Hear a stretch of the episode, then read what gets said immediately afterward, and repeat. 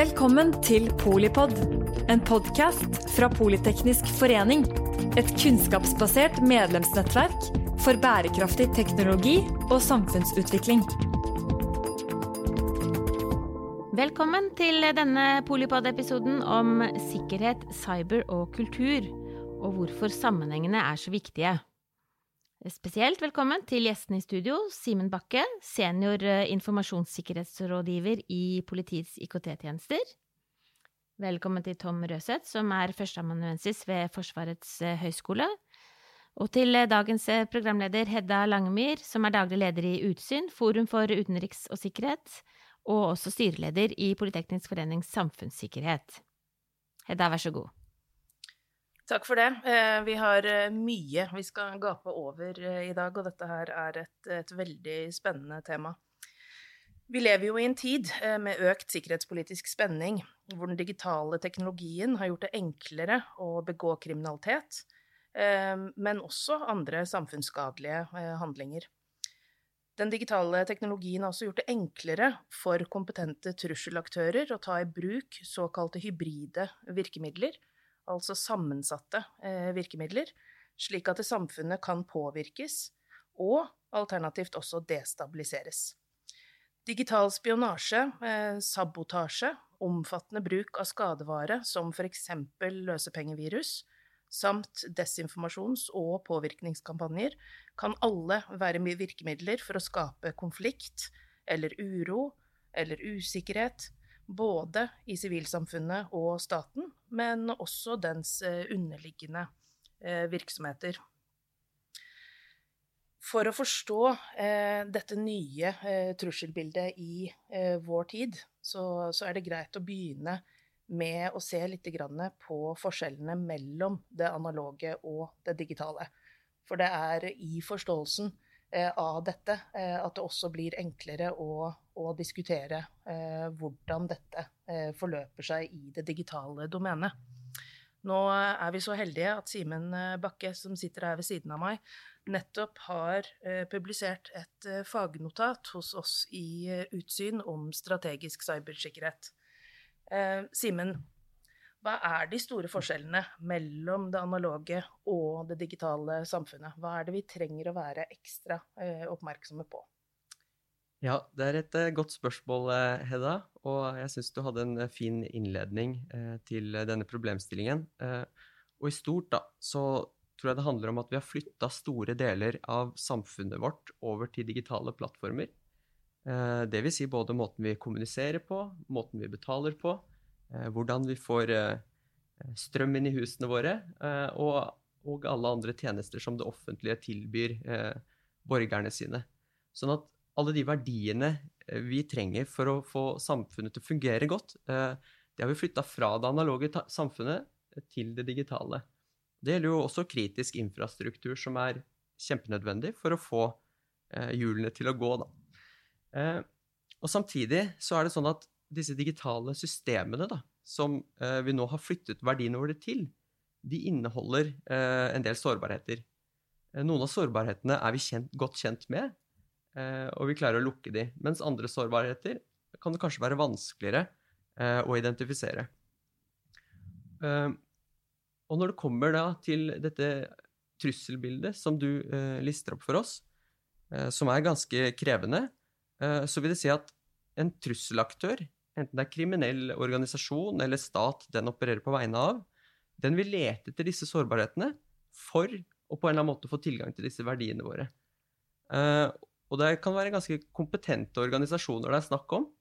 Uh, sånn at skal vi klare å forhindre at de får tilgang til sensitiv informasjon, at de eventuelt kan sabotere enten betalingssystemer eller uh, kraftforsyningen vår, så er vi nødt til å lukke disse sårbarhetene og, og beskytte IKT-systemene våre på en måte um, som gjør at disse trusselaktørene ikke lykkes.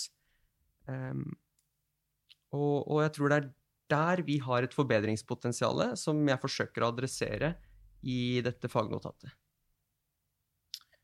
Det skal vi komme litt tilbake til, altså hva, hva som ligger på um, tiltakssiden her. Um, har du noe du ønsker å, å tilføye, Tom? Ja, to punkter på kontekst her. Litt sånn politisk. Og, og litt sånn overordnet på, på konflikt, og hvordan konflikt Vi har sett den senere tid at konflikter mellom stater har flyttet seg mer og mer over i det digitale domenet. Og vi har nå en økt eh, stormaktsrivalisering, da i hovedsak mellom eh, USA og Kina, og USA og, og Russland. Eh, og også for så vidt da mellom Europa og, og Russland. og dette politiske klimaet vi er i nå, det gjør det mer opportunt å føre konflikt i det digitale rom. Og dette er gjerne en del av det, det vi kaller hybrid, hybride trusler, også trusler på tvers av sektorer, militære og ikke med militære og ikke-militære midler. Eh, og I tillegg da, til denne transformasjonen over fra konvensjonell krigføring over det digitale rom, så, så, vil jeg også nevne at vi er i en situasjon som uh, politisk, uh, bilateralt med Russland, uh, som er dårlig. Da. Altså aktører som, i Russland som, som ja, har, finner det nå mer opportunt å, å utføre cyberoperasjoner mot Norge, fordi de har rett og slett mye mindre å tape. Eh, det koster ikke noe politisk, det koster mindre også bilateralt å utføre sånne operasjoner. Så eh, klima er, er eh, dessverre slik at vi ser økt grad av cyberoperasjoner. Selvfølgelig er det også en generell trend, dette er da utover det, men, men det politiske klimaet forverrer det. Norge havner jo i en litt eh, spesiell situasjon her, fordi vi er jo eh, både medlemmer av eh, Nato, og vi er naboer til Russland. Og vi har Kina som, som en av våre viktigste handelspolitiske partnere. Så, så, man kan jo på mange måter si at Norge lett havner i en, en form for skvis her hvor man skal bevare en relativt god tone eh, bilateralt. Eh, samtidig som, som, vi ser at andre stormakter har en relativt offensiv tilnærming til håndteringer av nettopp denne type trusler. Har dere noen formening om hvordan Norge best mulig kan kan håndtere denne situasjonen. Både, både i lys av eh, Nato-toppmøtet som nå eh, nettopp var, hvor det er eh, veldig tydelig at eh, ulike uh, stater har uh, forskjellige både trusseltilnærminger og, og trusselvurderinger. vi er opptatt av forskjellige ting. Vi trues av forskjellige ting. Og hva, hva kan Norge gjøre for å bli flinkere til å både presentere og, implementere eh, deler av vår situasjonsforståelse i den, eh, i den eh, stormaktspolitiske situasjonen vi står i nå. Det ble et veldig langt og komplisert spørsmål, men jeg håper dere kan gjøre dere noen tanker om det likevel. Ja, det var et enormt spørsmål. La oss begynne med f.eks. angrepet på angrepene unnskyld, på Stortinget. Det var to angrep på Stortinget. En i september uh, i fjor og en i mars i år. Det første var mer alvorlig enn det andre uh, i forhold til uh, hva som er uttalt, i hvert fall. Og det første er attribuert til Russland av norske myndigheter. Det andre er vel altså antageligvis Russland som står bak, sies det. Um, og dette har da vært et angrep mot vårt uh, demokrati. Og hvordan, hvordan, håndterte Norge dette? Jo, uh, man gikk ut uh, og attribuerte dette til Russland, som sagt. At man, man hadde sterke indisier um, på at Russland sto bak. Og Det har vært diskutert liksom, om det var en fornuftig strategi eller ikke. Shame and blame, som det heter. At man går offentlig ut. Og dette fører da til motreaksjoner fra, fra, Russland, som selvfølgelig fornekter det hele. og, og, Russland krever da bevis. men så gir man jo ikke bevis på, på slike attribueringer. For det første så, så vil man da måtte avsløre hvilken metode man har brukt for å, for å eh, detektere at dette var Russlands eh, hender som, som uh, var påvist. Samtidig som man også er veldig forsiktig med å formidle eventuelt internasjonalt samarbeid rundt, rundt sånne funn. Da. Så, men da kan jo selvfølgelig Russland hevde, hevde at det ikke er fremlagt noen bevis. Eh, så jeg, jeg syns eh, Norge håndterte det, det godt. Og så er det selvfølgelig i et Nato-sammenheng eh, viktig å samarbeide om, om slike trusler. Og at vi, ja, at vi samarbeider godt med andre stater. Gjerne i, i felles forum. Jeg tror det Tom er inne på her, er et viktig poeng. Og det handler kanskje om også å å jobbe i diplomatiske kanaler, eh, sånn at man eh, nettopp forhindrer denne sikkerhetspolitiske trusselsituasjonen i å eskalere. Eh, for på en måte får du rydda bort noen av de største truslene, da.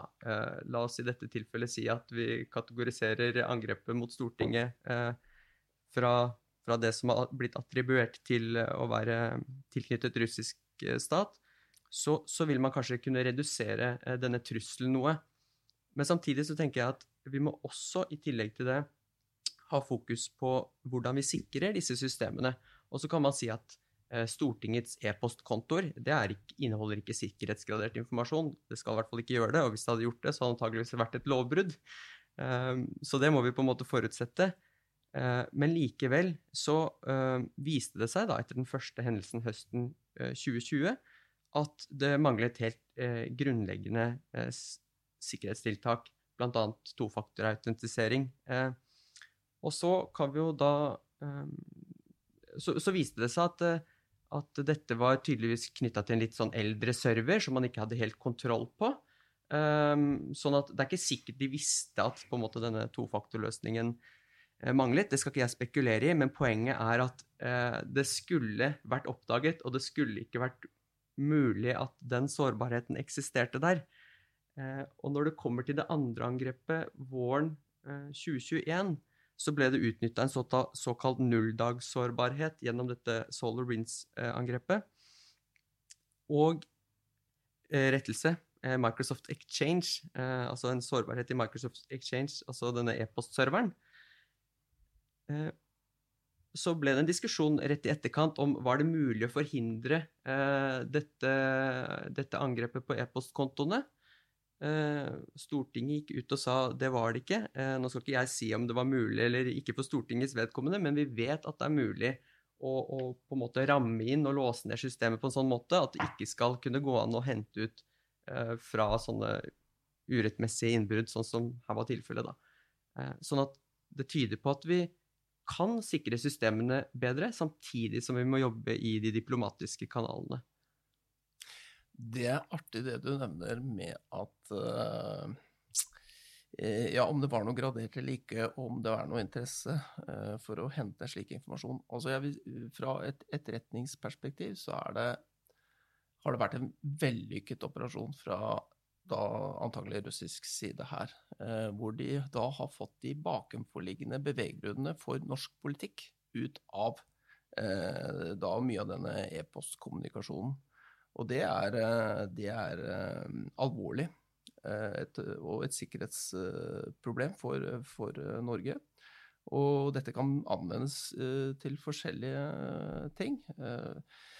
man kan spekulere i at det har vært en del av en større etterretningsoperasjon, f.eks. At man søker å, å, enten påvirke eller uh, rekruttere eller uh, presse uh, enkeltaktører som har delt informasjon som man ikke syns at offentligheten skal vitne om. Så dette er vært et veldig alvorlig angrep mot norsk demokrati.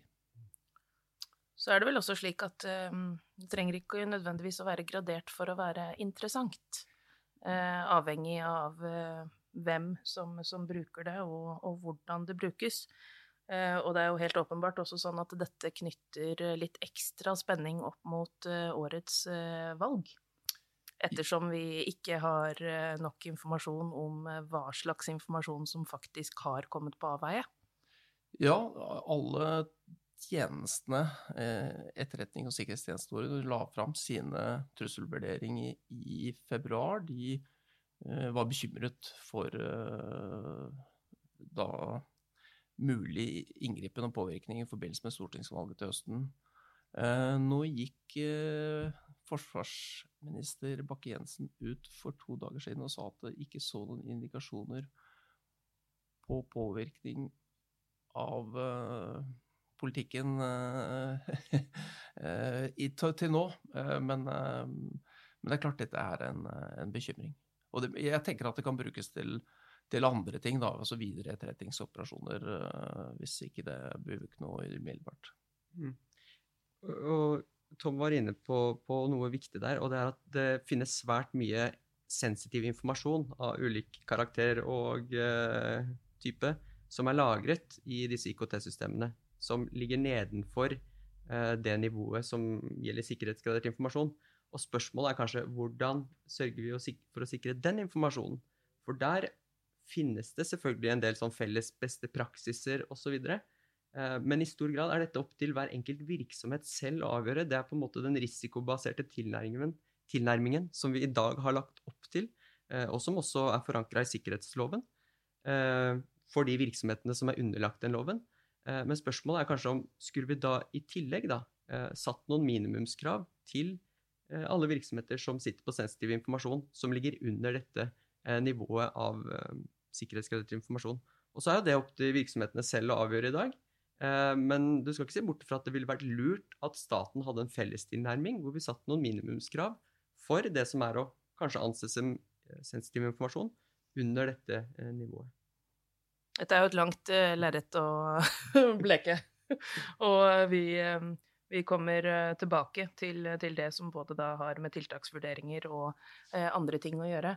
Men, men, jeg tror det vi alle kan være enige om, er at også Bergen Engines-saken har vært en ganske stor vekker. som, som vitner om både ganske forskjellige situasjonsforståelser, men også, også en manglende sikkerhetskultur. Eh, i, eh, i, store deler av eh, offentlig forvaltning. Så her har vi jo en god del utfordringer. Både når det gjelder det infrastrukturelle, når, når det gjelder internasjonal handel, men, men også når det gjelder andre trusler i det digitale domenet. Vi er knapt halvveis da, i denne viktige samtalen, høres ut som. Og du har hørt del én om uh, sikkerhet, eh, cyber og kultur med Simen Bakke, senior informasjonssikkerhetsrådgiver i politiets IKT-tjenester. Tom Røseth, førsteamanuensis ved Forsvarets høgskole, og Hedda Langmyr, daglig leder i Utsyn forum for utenriks og sikkerhet så må du bli med oss eh, inn i neste episode med fortsettelsen og avslutningen av denne viktige samtalen. Takk for at du lyttet til Polipod fra Politeknisk forening. Få med deg flere episoder, eller bli med på nettverksmøtene som du finner på at polyteknisk.